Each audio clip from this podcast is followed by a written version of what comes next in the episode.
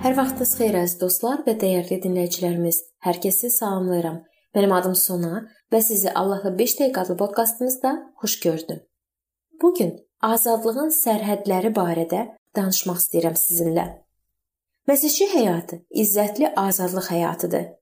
Məsihin qurbanı bizi keçmiş günahlarımıza görə cəzadan qurtarır. Onun dirilmə gücü isə günah qanununun əsirliyindən qurtarır. Romalılara 7:23 Allah üçün bəhrə verməyə imkan verir. Məsihçi azadlığı ən ali azadlıqdır. Biz çürüməyə əsir olmaqdan xilas olub Allah övladlarının izzətli azadlığına qovuşmuşuq. Bu Romalılara 8:21-də yazılıb. Lakin bu o demək deyil ki, məsihçi həyatı heç bir məhdudiyyət tanımır. Biz ehtiyatlı olmalıyıq ki, azadlığımız zəif olanların büdrəməsinə səbəb olmasın. 1-ci Korinlilərə 8:9. Allah kəlamı bizi xəbərdar edir ki, bu azadlığı cismani təbiət üçün fürsətə və ya pislik etmək üçün bəhanəyə çevirməyək. Hər bir adamın azadlığını məhdudlaşdırmağa hazır olması icmanın harmonik və sağlam həyatının aşarıdır. Biz qardaşlarımızın müxtəlif adət-ənənələrinə hörmət etməklə bu prinsipləri həyatda tətbiq edirik. Yeni yerə köçən ailələr aşkar edə bilər ki, imanların yeni toplantısı əsasən onların adət etdiklərindən daha mühafizəkar adətlərə əməl edir. Ümumi qəbul edilmiş təcrübəyə həvəslə əməl etməklə valideynlər ailəyə ümumi qardaşlıq anlayışına necə tabe olduqları ilə nümunə göstərir gənclərə icmanın həyatına daxil olmağa kömək edir və onlara başqa ailələrdən gələn mənfi təsirlərdən qaça bilirlər. Bizim zamanədə bu müqəddəs kitab nəsihətləri xüsusilə rəqəmsal rabitə texnologiyalarında faydalı tətbiq edilə bilər. Bu hazırda daim yenilənən və inkişaf edən bir sahədir. Onun gələcəyini öncədən görmək çətindir. İmanlar cəmiyyətində bu texnologiyalardan daha təhlükəsiz istifadə ilə bağlı fərqli baxışlar var.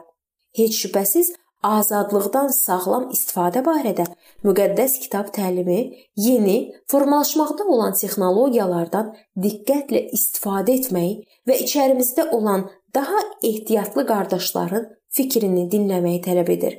Gənclər və yaşlı nəsildə valideynlərin və ya imanlılar cəmiyyətinin məhdudiyyətlərindən irəli gələrək özlərinə burada pis nə var axı kimi sual verəndə bu müqəddəs kitab prinsiplərinə əməl etməlidirlər. Burada soruşmaq yerinə düşər.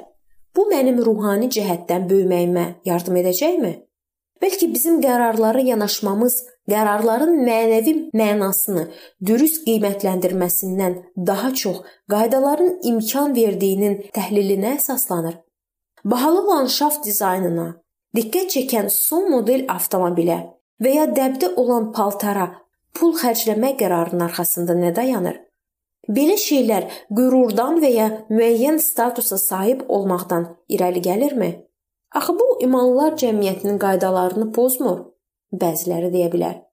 Yadda saxlayın. Bu azadlığı cismani təbiət üçün fürsətə çevirməyin. Qalatiyalara 5:13. Bir-birinizə məhəbbətlə qulluq edin. Elə orada azadlıqdan istifadə üzrə səmərəli təlimatdır. Bizi bunu həyatda tətbiq edənlər həvəsləndirir. Gənc ata başqa qardaşa güclü küləyin uçurduğu damı təmir etməkdə yardımcı olmaq üçün gərgin yaz qrafikindən bir gününü buna həsr edir. Yaşlı cütlük imanlar cəmiyyətindəki ibadət üçün öz rahat, sakit həyatından imtina edir. Bir qardaş ehtiyacı olan başqa bir qardaşa yardım etmək üçün öz əmlakını satır. Belə qardaşlar öz arzularının arxasınca getməyib özünü qurban vermək məsələsində nümunə göstərirlər. Məsihçi qardaşlarının rifahı naminə öz hüquqlarından imtina etməyi imtiyaz kimi qəbul etməlidir. Biz qardaşlarımıza və bacılarımıza bu şəkildə xidmət edəndə şəxsi həyatımızın nə qədər zənginləşdiyini görürük. Gəlin Allahın bizim üçün ayırdığı azadlığın xeyir duasına sevinib bu imtiyazdan yararlanaq.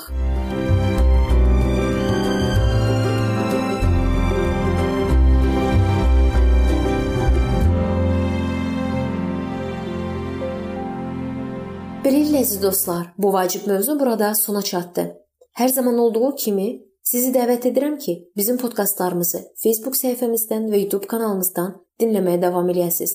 İndi isə mən sizinlə sağollaşıram və növbəti görüşlərdə görmək ümidi ilə sağ olun, salamat qalın.